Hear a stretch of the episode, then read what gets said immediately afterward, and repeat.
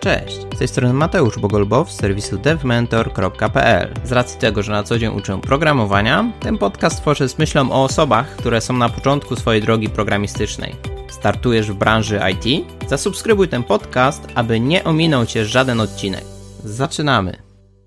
Dziś moim gościem jest Paulina Kuc. Paulina opowie nam o tym, kim jest project manager, jaką ma rolę w zespole IT i jak się takim projekt managerem zostaje. Paulino, dziękuję, że przyjęłaś moje zaproszenie na rozmowę. Proszę, powiedz nam coś więcej o sobie i co łączy Cię z branżą IT.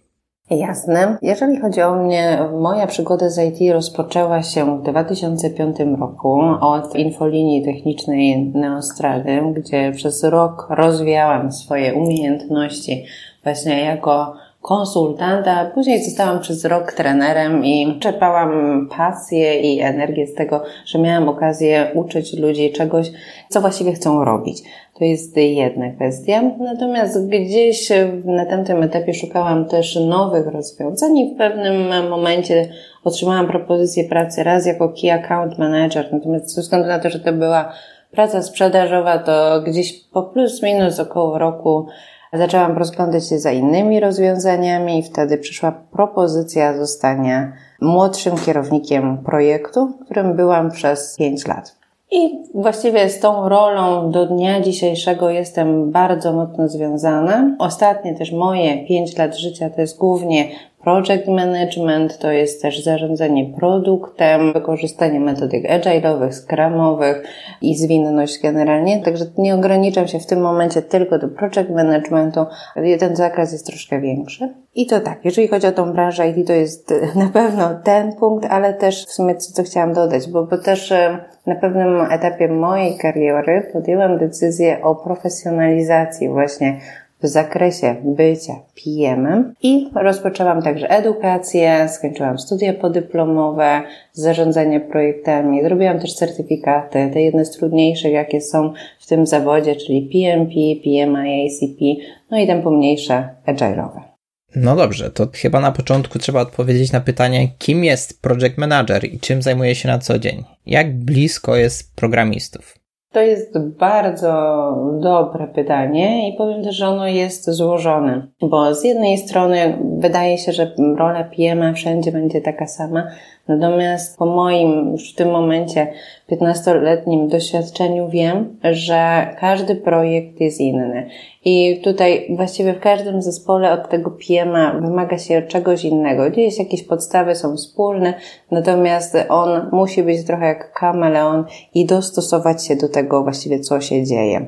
Także to, kim jest ten project manager, jest on osobą, która najprościej mówiąc jest odpowiedzialna za projekt. Czym się zajmuje? Tym, żeby ten projekt dojechał na czas, w określonym budżecie, z ustalonym zakresem i zapewnił klientowi podstawową jakość, jakiej oczekuje. To może bym się tylko tak wtrącił, bo wspomniałeś o tym budżecie, o czasie, to od razu sobie pomyślałem, czy jest to możliwe, żeby te dwie rzeczy faktycznie udały się utrzymać w ryzach. Mhm. Znaczy do tego project manager powinien dążyć. Czy jest to możliwe, to tak jak wspomniałam, no to zawsze zależy tak na dobrą sprawę od projektu i od tego, jak dobrze zaczniemy. Im lepiej zaczniemy, im lepiej zrozumiemy zakres, potrzeby klienta, tym bardziej jest to możliwe. Natomiast w związku z tym, że świat się zmienia, jest coraz większe zapotrzebowanie i zrozumienie tego, że agile, zwinność jest również potrzebna w projektach i dzięki niej dostarczamy produkty, które mają wartość. I to tak na dobrą sprawę ma większy sens niż dostarczenie na czas czegoś, czego biznes klient finalnie nie wykorzysta. Mhm. No dobrze, to wróćmy sobie do tematu projekt managera, kim jest i czym się zajmuje na co dzień. Tak, no to tutaj taka osoba w zależności od tego projektu, w jakim się znalazła, tutaj też nawiążę do mojego wcześniejszego doświadczenia, Raz, można być takim project managerem wewnętrznym, który zarządza dostawcą jakiegoś rozwiązania. Tutaj najczęściej to są rozwiązania sasowe, a może być też po drugiej stronie i być odpowiedzialnym właśnie za dostarczenie tego rozwiązania. Więc tutaj odpowiadając też na to Twoje pytanie, jak blisko tych deweloperów się pracuje. No to gdy jest się na zewnątrz, i buduje się to rozwiązanie stosowe, no to ta współpraca jest na co dzień i jest to właściwie codzienność. Pijemy, żeby kontrolować swój zespół i żeby dowiózł to, co właściwie było określone w zakresie i spełniło te wymagania. Natomiast gdy on jest e, z zewnątrz, to zdarzają się jakieś konsultacje, rozmowy z deweloperami, bo po prostu gdzieś na pewnym etapie pewne rzeczy trzeba lepiej zrozumieć i jest to konieczne. Natomiast wtedy częściej ten zespół projektowy właśnie składa się z takich ludzi jak biznes analityk, sponsor, są to tak zwani SMI, czyli subject matter expert, którzy dostarczają jakąś wiedzę potrzebną po prostu do dostarczenia dobrego jakościowo produktu. Mhm, to może od razu jak już wywołałaś temat analityka IT, to może mogłabyś powiedzieć nam, jaka jest różnica między PM-em a właśnie analitykiem? No to tutaj nawiążę do projektów kaskadowych, które są takimi klasycznymi projektami i w takich projektach biznes analityk jest prawą ręką PM-a. I jest to osoba, która zgodnie ze strukturą, którą warto zbudować zawsze na początku każdego projektu, będzie finalnie raportowała do PM i wykonywała pracę dla tej osoby. I czym się różnią właściwie te dwie role? BA ma bardzo dużą wiedzę, właściwie odnośnie zakresu. Jeżeli chodzi o BA, po prostu zakres nie powinien mieć przed nim żadnych tajemnic. Taka sytuacja nie musi dotyczyć PM-a, bo PM skupia się na tym trójkącie projektowym, czyli na dowiezieniu projektu na czas, z budżecie, w zakresie, z określonym poziomem jakości. I BA ma w tym pomóc, natomiast sam PM nie musi znać tego zakresu co do każdego szczegółu. Okej, okay, dobra, to czy chcesz jeszcze nam coś więcej powiedzieć na temat dnia codziennego projekt menadżera? No tutaj, mm, co jeszcze mogę powiedzieć? Odniosłam się w sumie do takich projektów kaskadowych, a mamy jeszcze tą zwinność, która w tym momencie bardzo mocno wchodzi w rzeczywistość i wtedy lepiej, znaczy lepiej, można byłoby przeskoczyć na chwilę też do tej codzienności, gdzie wykorzystujemy na przykład Scrama, a w Scrumie na przykład nie ma takiej roli jak PM. Natomiast no tutaj pojawia się ten sens, w jaki sposób zbudować ten produkt, kto będzie to kontrolował i często i gęsto osoby, które są takie stricte przypisane do zespołów Scrumowych, czyli Product Owner, Scrum Master i zespół deweloperski. W tej trójce bardzo często Trudno o taką osobę, jednostkę, która powie, podniesie rękę i powie, ja chcę być też odpowiedzialny za, za pewne rzeczy. Ta odpowiedzialność ma być rozszerzona na cały zespół, natomiast ja widzę to, że zespoły ciągle się uczą tego, żeby wziąć finalnie tą odpowiedzialność na siebie i często i gęsto właśnie przy budowie produktu do zespołów skramowych trafia również project manager. I to jest też wtedy codzienność, organizacja wszystkich eventów skramowych, kontrola też zespołu poprzez budowę rozwiązania iteracyjnie i działania w sprintach. Może jeszcze tutaj bym dodała w sumie jedno słowo, bo faktycznie, nie wiem, czy to wspomniałam, czy nie, ale faktycznie PM nie występuje w skramie, natomiast są sposoby pracy, jest e, metodyka Agile PM, która pozwala połączyć ten model kaskadowy i ten model zwinny. Ten czas developmentu jest realizowany iteracyjnie w sprintach i dzięki temu właśnie ten project manager ma szansę dowieść lepsze rozwiązanie na koniec. Okej, okay, to w takim razie mamy wprowadzenie odnośnie tego, kim jest i co robi projekt manager, ale czy musi on programować? Jakie umiejętności techniczne i miękkie są najważniejsze w tym zawodzie? No to tak, no project manager e, nie musi programować, to w żaden sposób nie jest jego zakres obowiązków, bo dobry PM, i tu też trzeba głośno zacząć mówić, czym są te umiejętności techniczne PM, bo umiejętności techniczne PM to nie jest wiedza techniczna. Umiejętności techniczne PM to jest kwestia, jak zbudować ramy struktury projektu. I to jest techniczna wiedza project managementu. To trzeba wiedzieć właśnie, co robimy na początku, co robimy w środku, co robimy po projekcie, jakie te aktywności znajdą się na poszczególnych etapach projektu. I właśnie dobry PM z wiedzą techniczną, jak to budować, buduje strukturę, fundamenty projektu. Więc tutaj widzę, że bardzo często jest taka chyba potrzeba po stronie właśnie zespołu deweloperskiego, technicznego, żeby to, to zrozumienie po stronie PM-a było na bardzo wysokim poziomie właśnie tej wiedzy technicznej. Natomiast no, trzeba to na pewno rozdzielić i powiedzieć sobie wprost, że PM, który ma wiedzę techniczną, jest bardziej wartościowy dla zespołu, bo wtedy ta komunikacja po prostu jest łatwiejsza. Natomiast sama wiedza, piema techniczna, to jest innego rodzaju umiejętność. Mhm. A jakbyś mogła powiedzieć, tak właśnie z perspektywy drugiej strony, bo mówi, że te aspekty techniczne nie są tak ważne z perspektywy PMA, co zyskuje jak taki projekt, który ma właśnie PMA?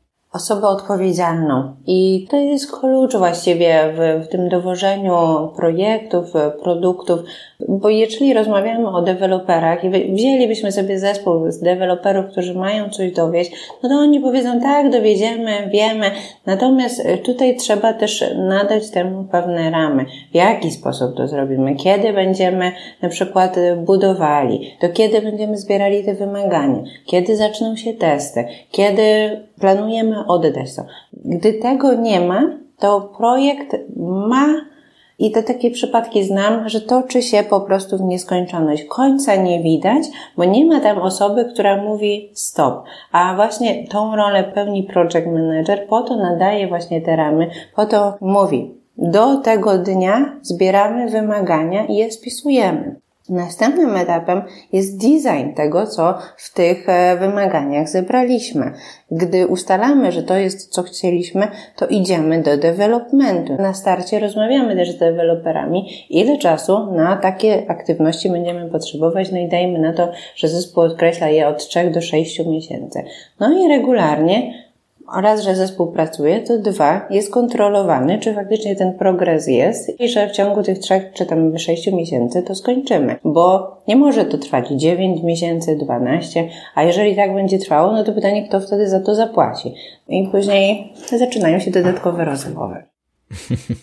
No dobrze, to jeszcze pewnie do tego tematu wrócimy. To chyba teraz jest czas powiedzieć, jak zostaje się projekt menadżerem, jakie są drogi do tego stanowiska.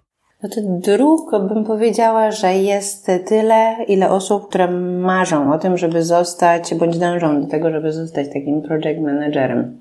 Ja zostałam PM-em pracując w sprzedaży. Znam osoby, które były w zespołach deweloperskich, technicznych gdzieś i zdecydowały się po prostu tą swoją karierę zmienić. W tej chwili jesteśmy na etapie takim, że rynek pracy poza IT zorientował się, że, że fajnie byłoby w tym IT być i są osoby również spoza branży, które chcą się przebranżowić i też szukają swoich sposobów. Także każdego z nas historia będzie inna. Natomiast no, jakbym miała powiedzieć o takich kluczowych aspektach, jak się zostaje tym PM-em, to bym powiedziała, że tutaj chodzi o konsekwentne działania w tą stronę zdobywanie umiejętności, które są potrzebne w roli PM. Zdobywanie wiedzy, która jest potrzebna, bo tutaj też mówimy o edukacji, mówimy o certyfikatach, mówimy o po prostu bywaniu na jakichś eventach, gdzie mamy szansę obcować z innymi PM-ami, z innymi osobami, które zajmują się projektami i zdobywać od nich wiedzę, która na pewno też i nam na pewnym etapie pomoże. To może zapytam przewrotnie, jaka jest najkrótsza droga do zostania PM-em? No to, to, to tutaj w sumie bardzo dobre pytanie, ale wiesz co, to mm, tutaj odesłałabym w takim razie do swojego Instagrama, gdzie całkiem niedawno przygotowałam 10 postów, jak w 4 lata od zera dojść do poziomu seniora project managera. I tam właściwie opisuje, to, jest właściwie projekt, to też jest projekt. Zostać PM-em jest również projektem. My musimy pomyśleć właśnie nad tym, jaki jest nasz cel, co my chcemy. Jeżeli tym celem jest faktycznie, chcę być PM-em, no to muszę sobie rozpisać plan na to, co ja zrobię, że żeby, żeby faktycznie ten ktoś, ten mój przyszły pracodawca się mną zainteresował. Więc mogę, jeżeli dzisiaj wykonuję jakiś zakres obowiązków, mogę dorzucić sobie coś, co będzie już pracowało nad tymi umiejętnościami, które są potrzebne w project managementie. Mogę się zastanowić i pójść na jakiś kurs. Może to być e, tą najtańszą drogą i wykorzystać Udemy. Można pójść na jakieś szkolenia, które są organizowane przez firmy na rynku. A trzecia opcja, można gdzieś też samodzielnie tą wiedzę szukać. Natomiast no, trzeba sukcesywnie podnosić swoje kompetencje i, i to mówię, tą strategię przygotowałam tam i ona jest tam krok po kroku opisana, co trzeba zrobić. To nie jest proste, natomiast tylko i wyłącznie wysiłek, który się wkłada, finalnie pozwala nam tą rolę dostać. Zapewne podlinkujemy Instagram Pauliny, więc będzie można skorzystać, ale ja tak trochę chciałem Cię podpytać i miałem nadzieję, że odpowiesz w taki sposób, że często właśnie z jednego działu albo z innego stanowiska w tej samej firmie można zostać PM-em i wydaje mi się, że to jest najkrótsza droga i myślałem, że to właśnie powiesz, odpowiadając na moje pytania. Czy zgodzisz się, że to może być fajna opcja, że jeżeli ktoś myśli, żeby zostać project managerem, to żeby zainteresować się, jakie umiejętności są potrzebne w tej konkretnej firmie, w której się pracuje i bardzo możliwe, że ta ścieżka będzie najkrótsza. Być może tak, być może tak. Może to jest też specyfika tego, że ja faktycznie w tej chwili bardzo dużo pracuję z osobami, które są z zewnątrz i tego scenariusza nie wzięłam pod uwagę, natomiast e, tak, no jeżeli ktoś jest w danej firmie, widzi te otwarte oferty pracy i pojawia się taki PM, no to też na pewno dla tej firmy to jest duża wartość, bo jest to osoba, która już jest wewnątrz, która zna w pewnym sensie specyfikę firmy. To również chce się, widać, rozwijać, tylko tutaj ja bym dołożyła dodatkową cegiełkę do tego, że trzeba jeszcze włożyć ten wysiłek, żeby zrozumieć, zanim się PM stanie, z czym to się wiąże tak na dobrą sprawę? Popróbować robić sobie takie projekty, nawet jakieś swoje, mniejsze i zobaczyć, czy się w tym dobrze czuję, żeby to faktycznie miało dla nas sens. To wróćmy jeszcze do programistów, bo chciałbym się Ciebie dopytać, czego programista może oczekiwać od project managera? Jakie cechy ma dobry PM? No to tutaj też wrócę do tego naszego jednego z pierwszych pytań. Czym ten PM się zajmuje? To też odpowiada na pytanie, czego ten programista może oczekiwać. Chodzi o to, że PM jest po to, żeby nadał projektowi pewne ramy projektu. Raz, że na tym ten PM ma się skupić, nie ma jakoś mocno odbiegać od tych ról i dać temu programiście ten cel, ma dać mu ten kierunek, ma mu dać te widełki czasowe, kiedy będzie mógł nad konkretnymi zadaniami pracować i mieć tą świadomość, kiedy ma pewne rzeczy dostarczyć, co dokładnie jest wtedy od niego oczekiwane. To też w jakiś sposób buduje taką harmonię, bo ludzie, którzy są w zespole, są jednocześnie przygotowani na to, co ich czeka. No a jak już jesteśmy w trakcie tego projektu, no to PM jest też odpowiedzialny też za to, żeby pomóc usuwać pewne utrudnienia, które się pojawią. No, wyobrażam sobie, że przy budowie różnych aplikacji trzeba komuś pomóc zdobyć odpowiednie dostępy do pewnych narzędzi, więc to nie jest rola programisty. Programista ma się skupić na, na kodowaniu i największą wartość faktycznie przynosi organizacji. To jest jego główny zakres obowiązków, a powiedzmy, jeżeli chodzi o takie mniejsze zadania typu właśnie chociażby ten dostęp do czegoś, czy kwestia zakupu jakiegoś tam nowego programowania, jakiejś licencji, no to w takie rzeczy już nie powinien wchodzić. To może dopytam o może szczególny przypadek. Powiedzmy, że realizujemy jakiś projekt, mamy wyznaczone ramy, no ale jednak widać, że ten projekt już jakoś dłuższy okres trwa. Programiści widzą, że no fajnie byłoby poświęcić więcej czasu na refaktoryzację jego, więc potrzebują więcej czasu. A biznes naciska na to, żeby były dodatkowe funkcjonalności. Czy PM stara się jakoś wynegocjować czas, czy raczej stara się naciskać na programistów, żeby jednak no, realizowali powiedzmy funkcjonalność, że tą refaktoryzację zrobi się później. Jak gdyby gdzie jest taka granica i jak zazwyczaj PM reaguje i czy w ogóle to jest jego działka?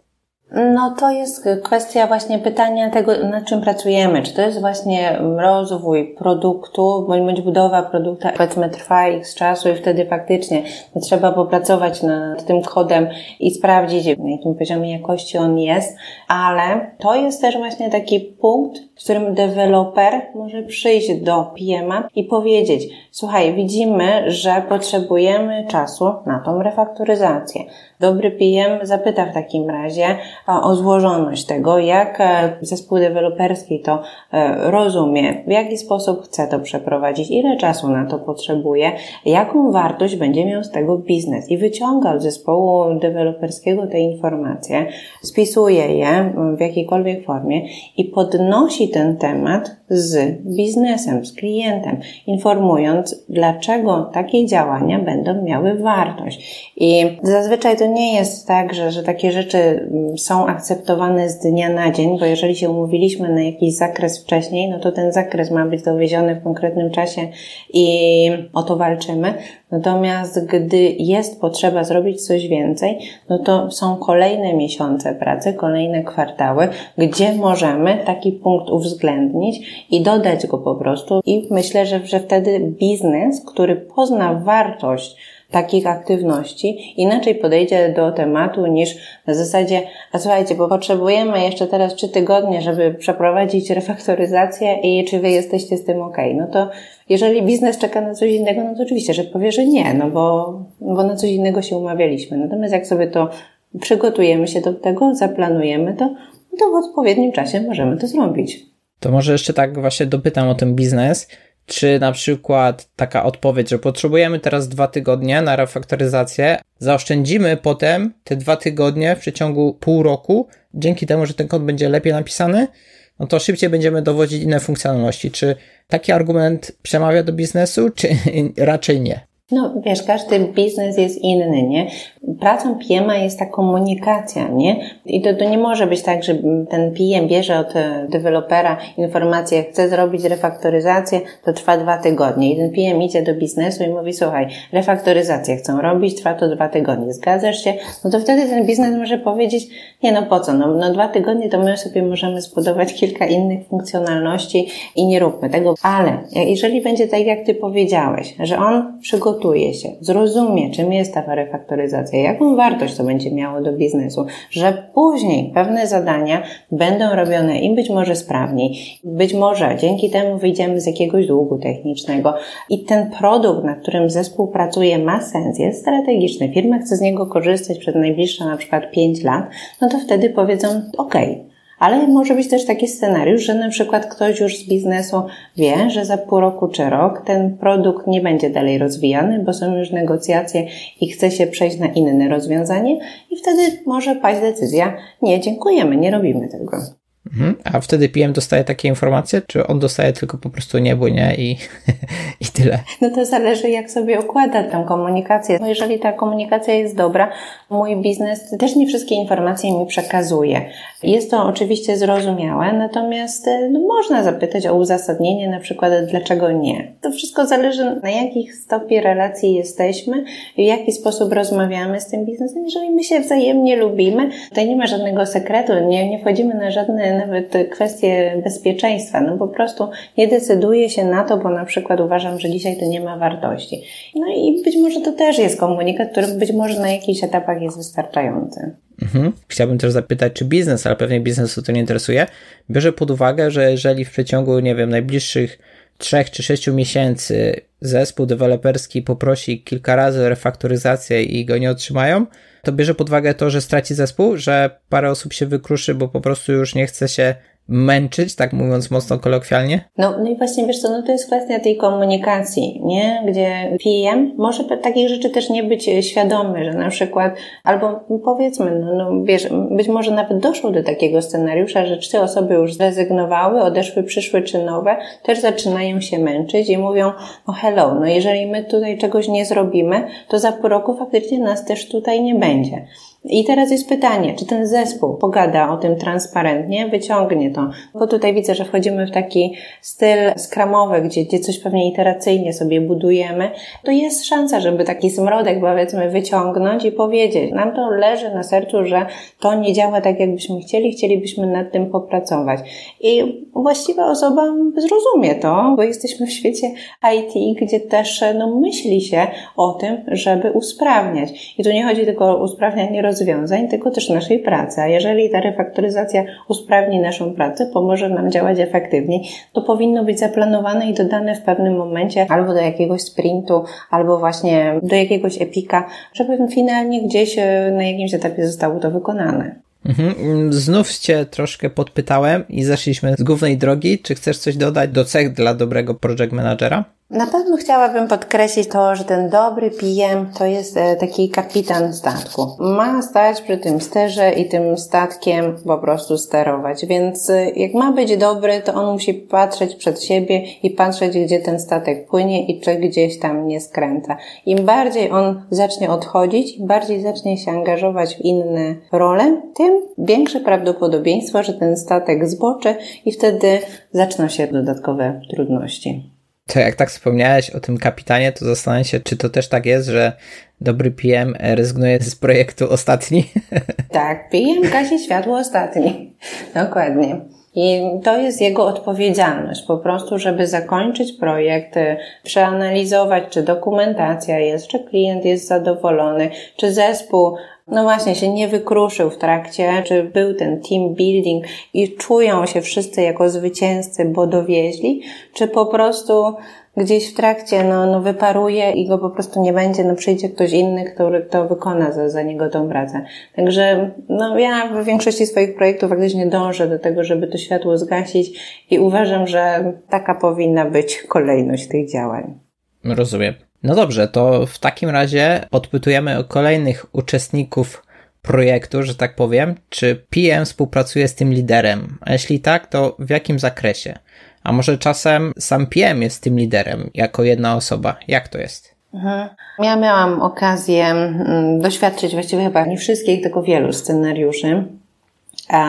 I tak, miałam okazję współpracować z team liderem, bo to też trzeba sobie powiedzieć, że bardzo dużo zależy od organizacji, w jakiej się znajdujemy. Zespół projektowy bardzo często jest zbudowany z osób, które są przypisane do projektu. To nie są osoby, które się zazwyczaj znają, tylko po prostu trafiają na określony czas do realizacji projektu i tam mają się po prostu odnaleźć. I często i gęsto te osoby właśnie mają tego team leada nad sobą i PM w jakiś sposób jest na jednej linii z tym team leadem, bo jak jest jakaś sytuacja, którą trzeba omówić z właściwie przełożonym swojego wykonawcy, no to, to idzie się do takiej osoby i faktycznie rozwiązuje się z nią jakieś scenariusze. No ja miałam kiedyś taką sytuację, że miałam testerkę, która też w pewnym momencie wyraziła się, powiedzmy, biznes analityk, angażuje ją do swoich zadań, a ona chciałaby się skupić na byciu testerem. No i faktycznie no, była sytuacja taka, że ten biznes analityk nie był najlepszy i potrzebował dodatkowej pomocy, a właśnie ta testerka takie skille miała już, po prostu gdzieś na poprzednich projektach je zdobyła. I no, poszła do swojego bezpośredniego przełożonego z taką informacją, że ona nie chce się tam angażować. No i wtedy pojawiła się dodatkowa dyskusja właśnie między mną, tym team leadem, jak to rozwiązać. Moim, i to też trzeba sobie powiedzieć, że moim zadaniem jest dowieść projekt. Jeżeli widzę zasoby, które mają jakąś wiedzę, no to moim zadaniem jest je wykorzystać je tak, żeby faktycznie ten cel osiągnąć. Natomiast w międzyczasie, w tym wszystkim, trzeba uwzględnić ten zespół. Ten zespół, jeżeli dbamy o niego, on jest zaangażowany, robi to, co lubi, to, co chce, to też inaczej pracuje niż jak wtedy, gdy się wciska ludziom pewne obowiązki. Więc trzeba znaleźć pewien kompromis i wtedy trzeba sobie to wypracować. Więc takie sytuacje, gdzie team lead się pojawia, są i, i gdzieś interweniuje, natomiast też ja miałam przez jakiś czas być okazję team leadem zespołu deweloperskiego. No tak, dzisiaj uważam, że to nie był najlepszy pomysł, bo ja nigdy deweloperem nie byłam i widzę, jaką wartość ma, gdy team leadem jest osoba, która przeszła wcześniej jakieś poszczególne szczeble kariery tej profesji i potrafi doradzić tym swoim pracownikom, a ja jako PM no nie byłam w stanie doradzić, nie się nic powiedzieć mojemu zespołowi deweloperskiemu, gdy pytali mnie o kod i, i po prostu rozwój tego, bo to, to nie jest moja działka, nie jest moja branża, ja w to nigdy jakoś szczególnie wejść nie chciałam. No i miałam taką okazję być przez co kilka miesięcy, natomiast finalnie moja współpraca z tamtą firmą też się skończyła, no i przestałam tym tym lidem być. No może to też fajnie pokazuje, że tak naprawdę nazwa stanowiska to jest jedno, ale to, co się robi, to już też jest inna sprawa, więc też warto na to zwrócić uwagę, że tak jak wspomniałeś, tym team leadowi nierówny i też jego pewnie zadania są całkiem inne, mimo to, że stanowiska się mogą nazywać identycznie, to każdy może robić co innego. Tak, tak, tak. No, to trzeba zrozumieć, że każda firma ma inną strukturę, inne potrzeby, jest na innym etapie. Firmy dążą do tego, żeby się profesjonalizować i żeby ludzie byli specjalistami w swoim zakresie. Natomiast nie zawsze jest to możliwe, no i wtedy ten zakres obowiązków nasz jest większy. I też nie zawsze po prostu ludzie potrafią się w tym odnaleźć, no bo nie do końca im to pasuje. No i takie rzeczy też trzeba zaakceptować. To wróćmy może do tematu samego rozwoju projektu. To na jakim etapie wkracza PM? Może jeszcze w ogóle na etapie rozmów z klientem? Mhm. No i tutaj znowu wracamy do, do bardzo podstawowych rzeczy, no w jakiej firmie jesteśmy, bo tak, PM ma możliwość być zaangażowanym na tym wczesnym etapie, nawet zbierania wymagań, nawet jeszcze na etapie sprzedaży projektu, bo w sumie ja właśnie gdy pracowałam w mniejszym startupie, byłam odpowiedzialna za przygotowanie oferty. I w tej ofercie właśnie znajdował się cały zakres tego, czego ten klient chciał, co miało być na niego zbudowane więc byłam. Natomiast im większa firma, im bardziej e, mówimy o roli PM-a i takiego profesjonalnego PM-a, tym wychodzi się z tego, bo raz, że to zbieranie wymagań jest czasochłonne, a PM-owie na pewnym etapie mają już też wyższe wynagrodzenia i po prostu, no to jest strategiczne myślenie, że nie angażuje się osób do takich prac, bierze się pracowników, którzy mogą to zrobić brutalnie mówiąc, taniej. I to będzie stanowiło ten fundament później dla PM-a, który wejdzie. Natomiast mówię, co co firma, to inna historia i zdarza się tak, że, że PM uczestniczy, nawet na etapie sprzedaży, ale z czasem po prostu z tego się na pewno wychodzi i idzie się w stronę taką, że Większość PM, tutaj mówię już na takim poziomie korporacji, to, to są takie szczególnie jednostki, które głównie angażują PM-a już na etapie developmentu, gdzie wchodzimy w budowę, tak na dobrą sprawę, jakiegoś rozwiązania, bądź tego, co jest w zakresie.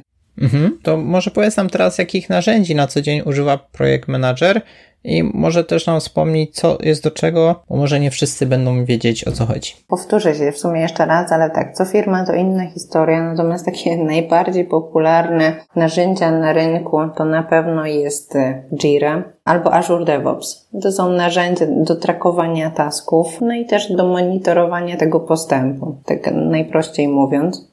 PM-owie bardzo często budują też plany projektów, harmonogramy w takich programach jak MS Project. Chyba, że są to prostsze harmonogramy, no to wtedy nawet i taki Excel spełnia taką rolę, tylko to jest dużo trudniejsze, bo każdą komórkę trzeba edytować, więc jest to bardziej czasochłonne.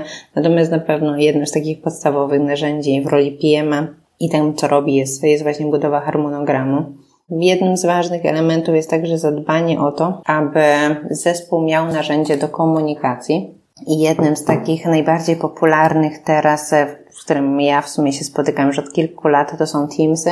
Do głowy przychodzą mi jeszcze takie narzędzia gdzieś do budowy prezentacji, jak Canva. Na pewno tutaj te wszystkie narzędzia ofisowe, no i z mojego doświadczenia to jeszcze na pewno SharePoint, bo, bo to jest też miejsce, gdzie, no, gdzie właściwie znajduje się cała dokumentacja, historia projektowa. I bym powiedziała, że to jest taki must have i występuje to w większości przypadków.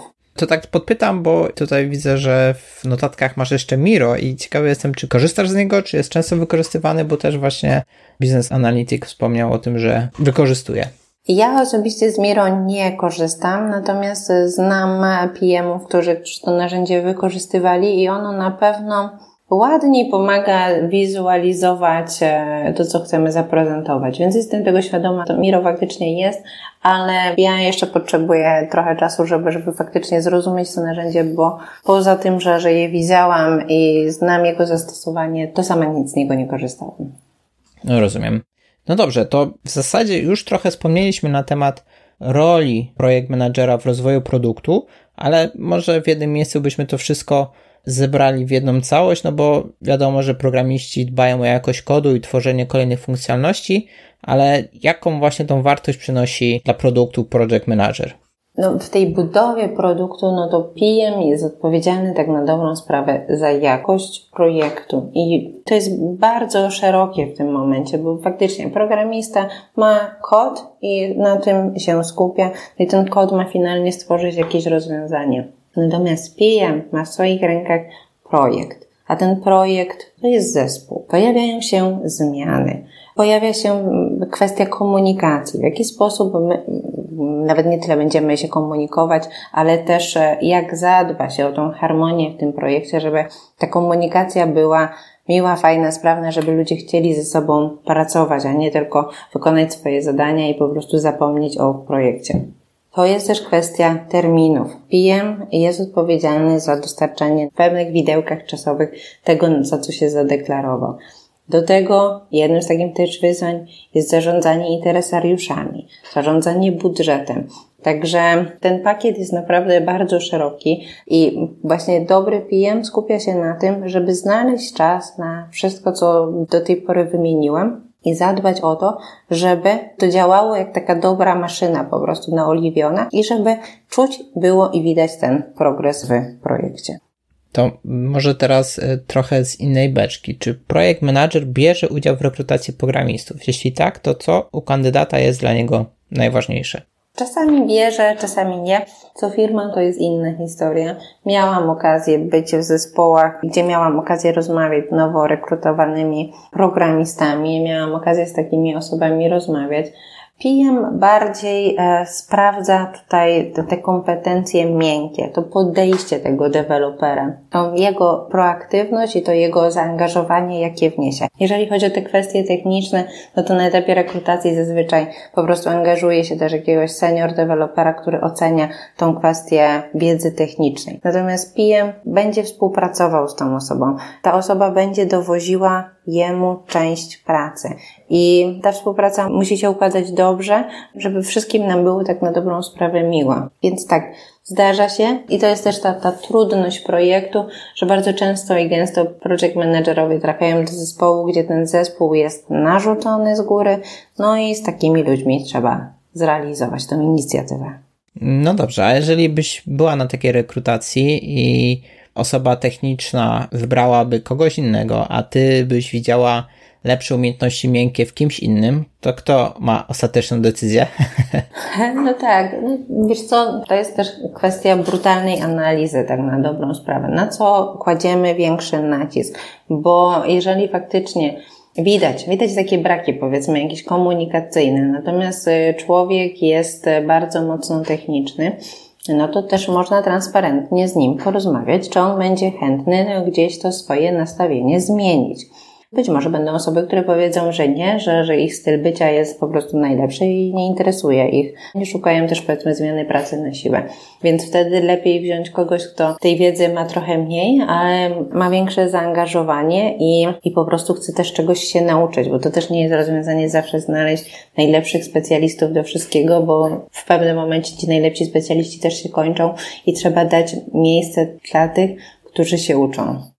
Ale jeżeli musiałabyś powiedzieć tak jednoznacznie, albo może swojego doświadczenia, lepiej wziąć osobę, która może technicznie troszkę kuleje, ale ma na wyższym poziomie te umiejętności miękkie, czy wręcz odwrotnie? Ja jestem z tych, co cenią te umiejętności komunikacyjne, bo uważam, że w dzisiejszym świecie wiedzę techniczną można znaleźć. Można, ja mam takie przynajmniej możliwości, że mogę pójść do jakichś e, seniorów i wysłać tam kogoś na jakiś chociażby mentoring, na jakąś kwestię pytań i dać temu człowiekowi możliwość konsultacji. I mając takie, takie coś z tyłu i widząc, że jest ktoś, kto ma pewien poziom wiedzy i jednocześnie ma dobrze rozwinięte te skille miękkie, jest gotowy na przykład na, na taką komunikację z klientem i gdzieś bije to od niego, że też współpraca z zespołem, no to stawiam na to. To jest też ten czas, gdzie te kompetencje miękkie zaczynają grać dużą rolę, bo co mi po takim seniorze, który ma dużą wiedzę, ale będzie co chwilę coś tam odburkiwał, będzie niezadowolony, bo on wie najlepiej, ale właściwie nikomu nie będzie chciał pomóc, no to to sorry, no to ta współpraca na pewnym etapie zacznie być po prostu trudna, a jak zacznie być trudna, no to nie będzie już efektywna i no będziemy się po prostu boksować, no to za bardzo nie ma to sensu. To może teraz zostaniemy trochę przy tym stanowisku deweloperskim, przy tym programiście, który pewnie ma umiejętności miękkie, potrafi się dobrze komunikować i chce zostać PM-em. To co byś mu doradziła? Mhm. No przede wszystkim trzeba zrozumieć, że to są dwie zupełnie inne role. I od PM nie oczekuje się zazwyczaj, bo są tam jakieś wyjątki, umiejętności programowania. Więc trzeba wyjść z tych butów programisty i trzeba wejść w rolę PM i zabrać odpowiedzialność PM. I takie, bym, bym wskazała też takie bolączki, bo czasami być może ktoś, kto był programistą, teraz został PM-em, no i widzi, że na przykład, nie wiem, no zespół sobie z czymś nie radzi, a on ma jakąś wiedzę, że mógłby pomóc temu zespołowi. Tylko, że on wtedy, gdy będzie się angażował w nie swoje obowiązki, zacznie, e, no, odejdzie od tego steru, tego nie będzie już tym kapitanem, tylko gdzieś tam będzie z boku. Więc e, bierze na siebie ryzyko i odpowiedzialność, że angażując się w coś, może finalnie nie dowieść tego, co jest jego głównym celem, tak na dobrą sprawę.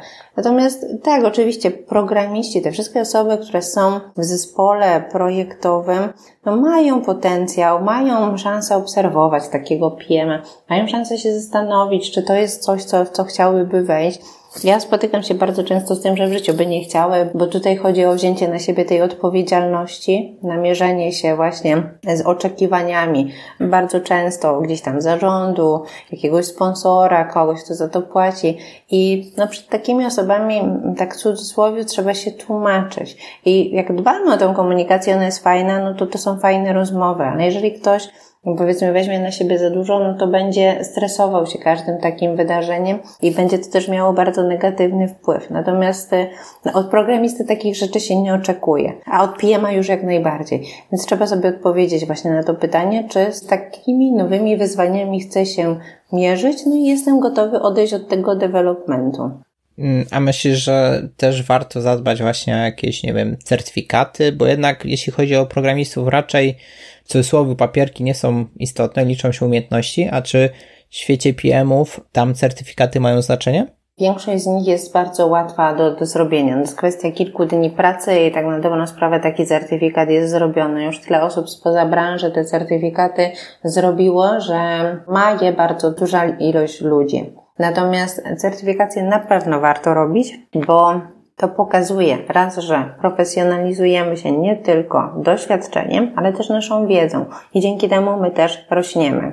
Ale to, co chciałam jeszcze powiedzieć, na pewnym etapie te papierki wręcz są potrzebne. Nie powiedziałabym, że zawsze na początku, natomiast jeżeli jest jakaś osoba, która myśli o tym, żeby zostać PM, to fajnie przeanalizować, jakie są te metodyki, jakie są frameworki, wybrać sobie jeden, który jest taki najbardziej zgodny z nami i zrobić sobie ten certyfikat, zrobić sobie to szkolenie i mieć jakąś taką już troszkę łatwiejszą ścieżkę działania. Okej, okay. no dobra, to teraz zapytam Cię o zarobki. Powiedzieliśmy tyle różnych rzeczy na temat tego, co powinien robić PM, jak e, powinno to wszystko wyglądać, warto robić certyfikaty to ile można na tym wszystkim zarobić? No to jest kwestia też naszego właśnie wysiłku. Dzisiaj widełki dla juniora wahają się w kwocie między 5 a 7 tysięcy.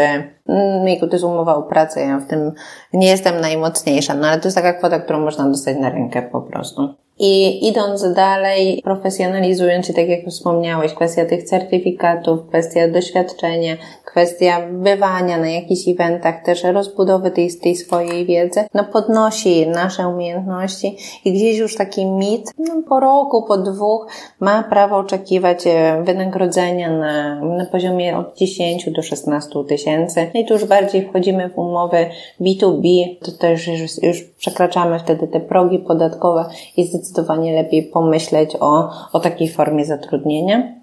A seniorzy, no seniorzy to jest jeszcze całkiem niedawno, powiedzmy takie wynagrodzenie na poziomie 25-30 tysięcy. To dość rzadko były takie oferty, a w tej chwili już nawet pojawiają się i do, do 40 tysięcy. One są pojedyncze, ale faktycznie takie oferty też już na rynku polskim można znaleźć. A to myślę, że firmy bardziej doceniają PM-ów, może brakuje ich, i kwota wynagrodzenia ma zachęcić, czy może są jakieś inne powody takiej sytuacji? Mówisz o takim wysokim wynagrodzeniu, tak? Tak. Mhm. Znaczy to jest kwestia mm, wyzwań, z jakimi przyjdzie się człowiekowi zmierzyć, bo, bo tutaj im, im wyższe wynagrodzenie, tym to, ja bym to nazwała najprościej, do większego bagienka się po prostu trafia. To będzie kwestia sprawdzenia, czy po prostu potrafisz wyjść nie tylko ty z tego bagna, ale też wyciągnąć cały zespół, czasami być może całą firmę, bo, bo zazwyczaj takie projekty są po prostu trudne. To nie są rzeczy, które łatwo przeprowadzić, e, zadbać o całość, tylko, tylko gdzieś już po prostu prostu ludzie widzą, że, że mierzą się z pewnymi wyzwaniami, gdzie skilli, też umiejętności nie ma. Nie ma też specjalistów z konkretnej e, dziedziny. I tutaj mam chociażby na myśli na przykład jakieś projekty, które dotykają OSAP-a. SAP jest złożoną aplikacją, nie dla wszystkich jest on po prostu łatwy, zrozumiały. Trzeba rozumieć pewne zależności i osób e, z takimi umiejętnościami jest bardzo mało. Gdy się chce mieć kogoś, e, kto taką specjalizację ma, no to wtedy to wynagrodzenie automatycznie rośnie.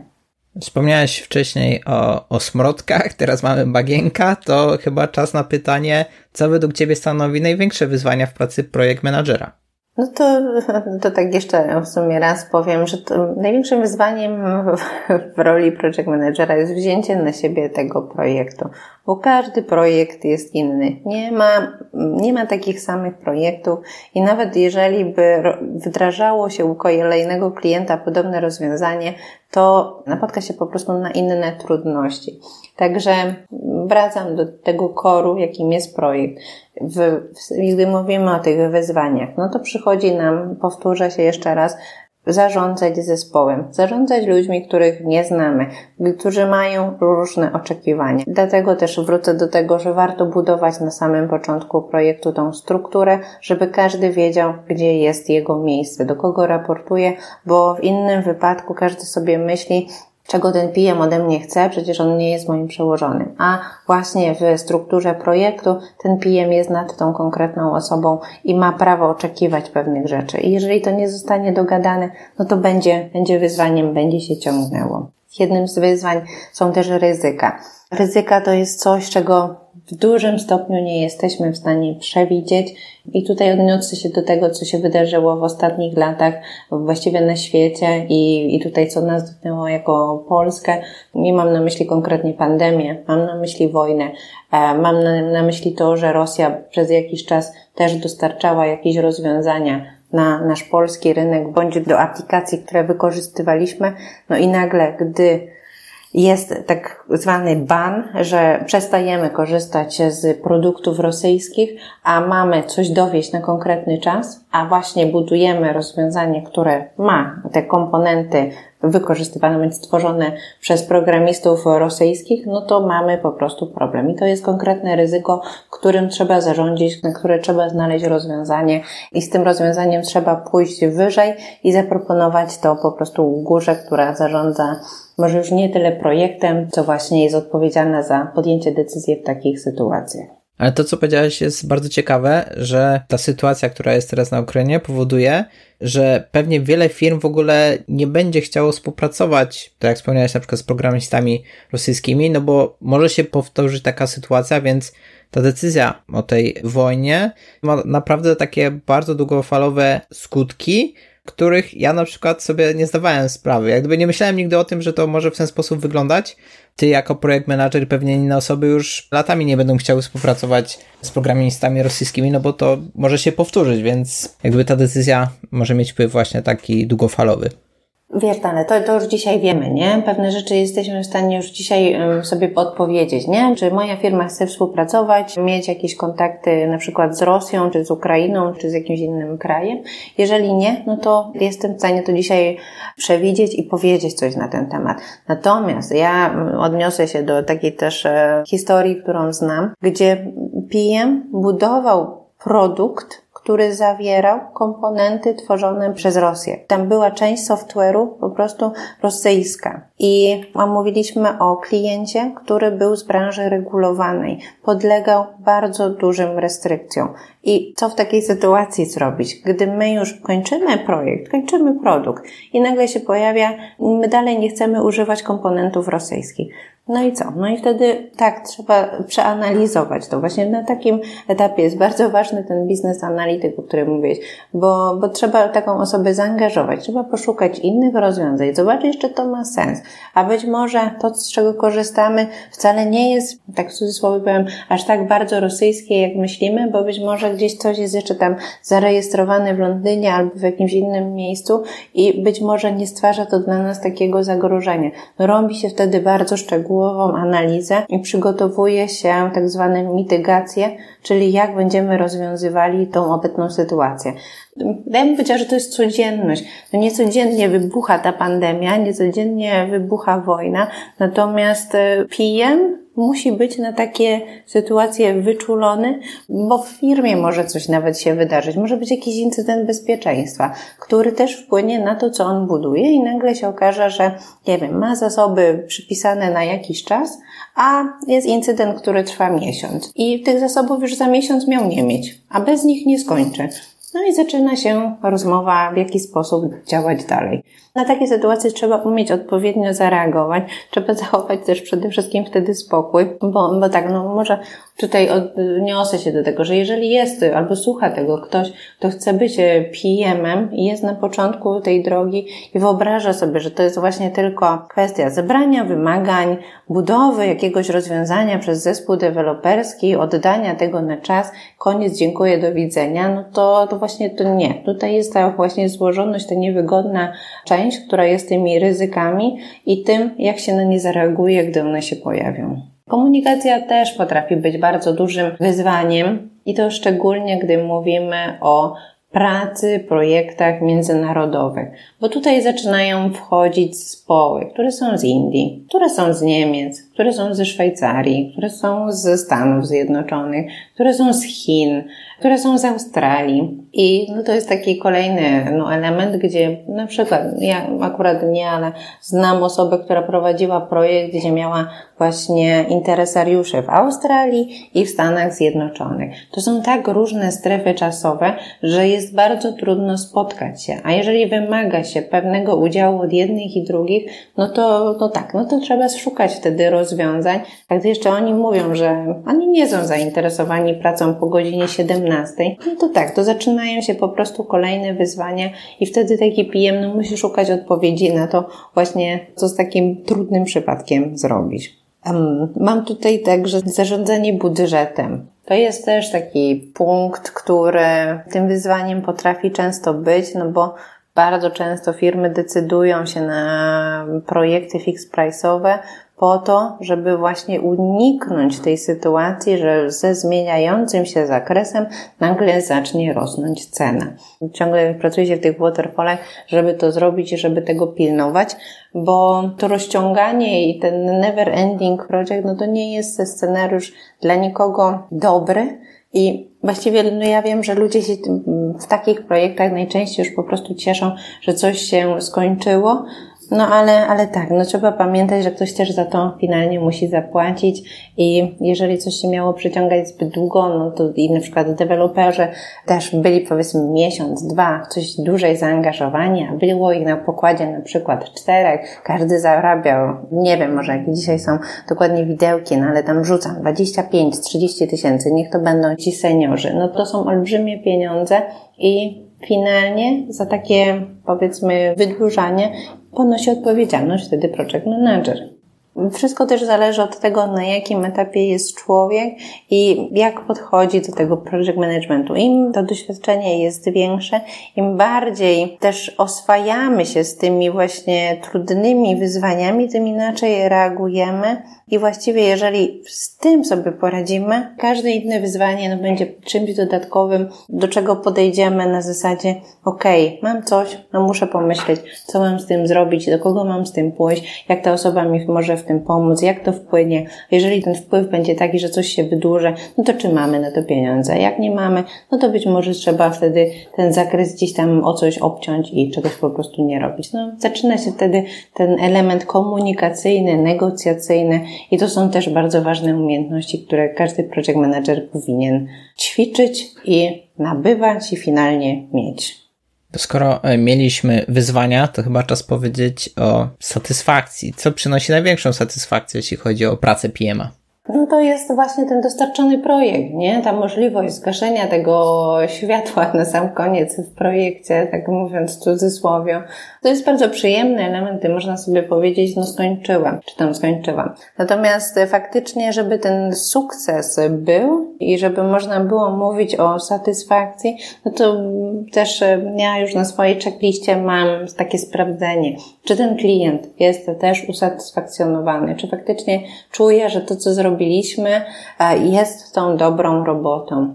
Kolejny punkt, który omawialiśmy, czyli zespół to jest też pewnego rodzaju umiejętność, żeby zespół chętnie ze sobą współpracował, żeby tam była ta energia, żeby tam była ta synergia, żeby była czasami chęć spotkania. Miałam takie zespoły, gdzie w piątek spotykaliśmy się o 20 na piwie, czy tam na jakimś tam drinku i to było wszystko w czasie pandemii, więc my to robiliśmy po prostu patrząc się w swój komputer, więc taka była motywacja ludzi, że chcieli się poznać, chcieli sobie ze sobą spędzić spędzić czas, chcieli się o sobie czegoś dowiedzieć.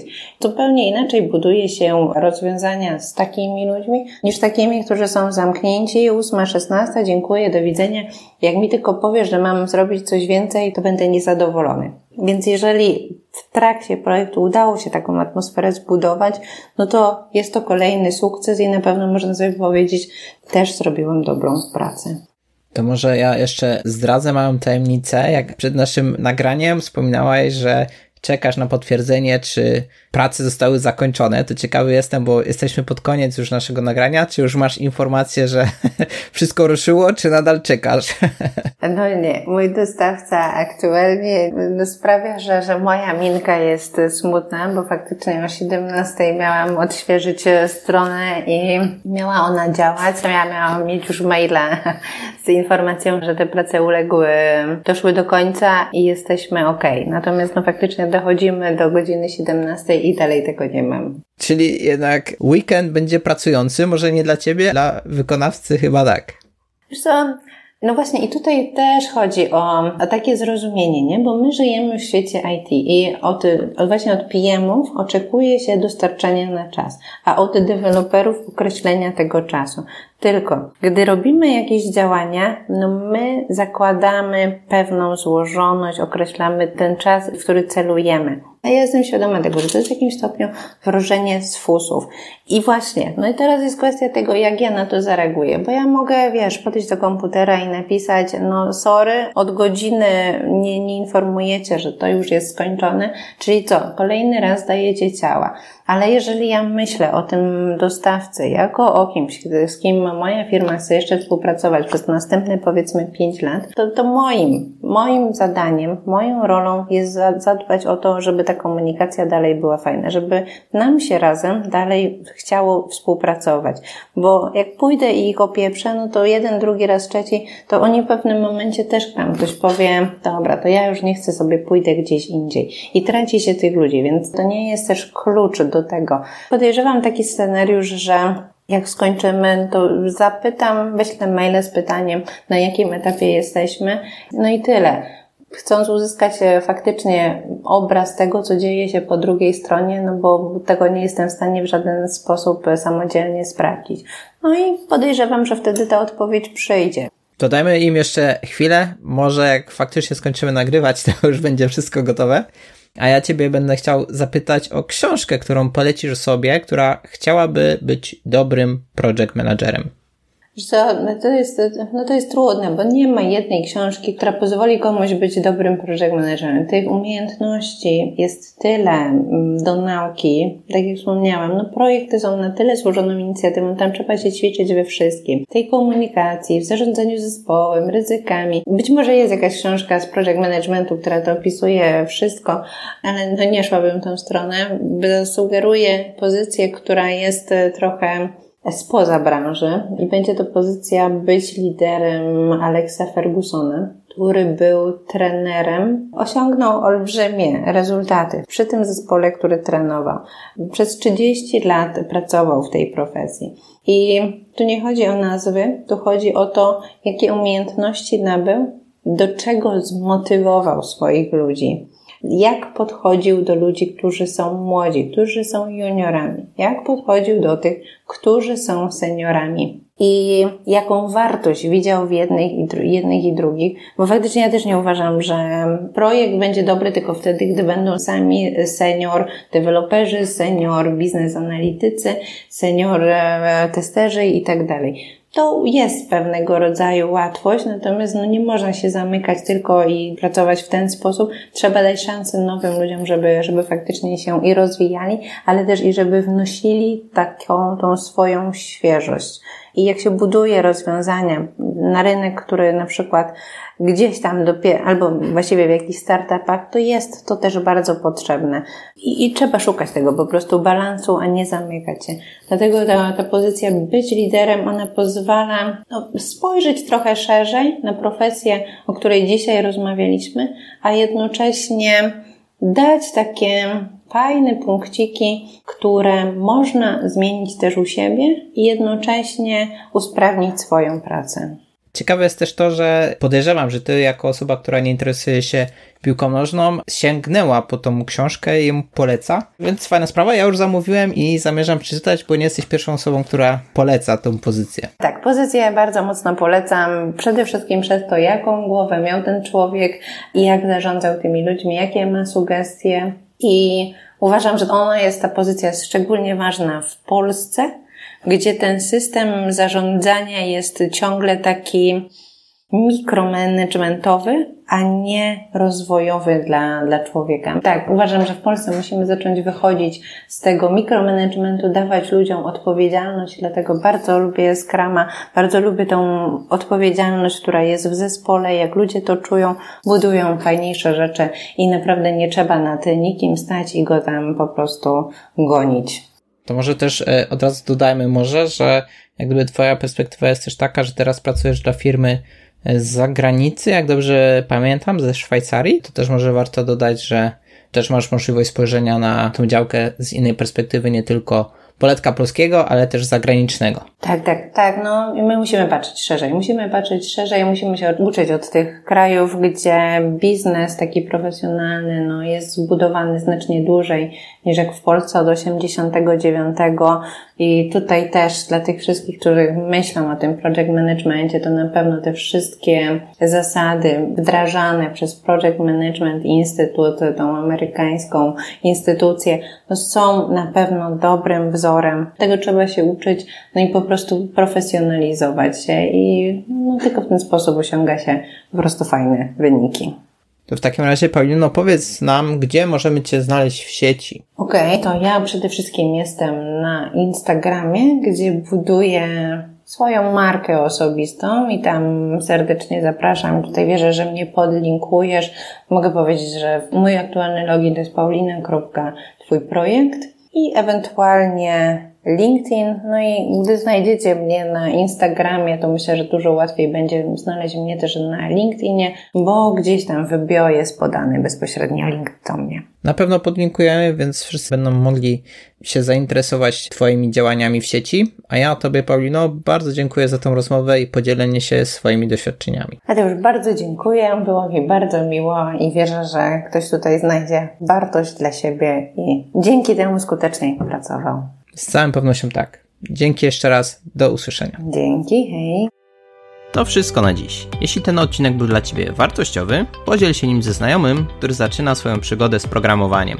Zapraszam Cię również do oceny podcastu oraz tego odcinka przez lajki, opinie i recenzje. Do usłyszenia. Cześć!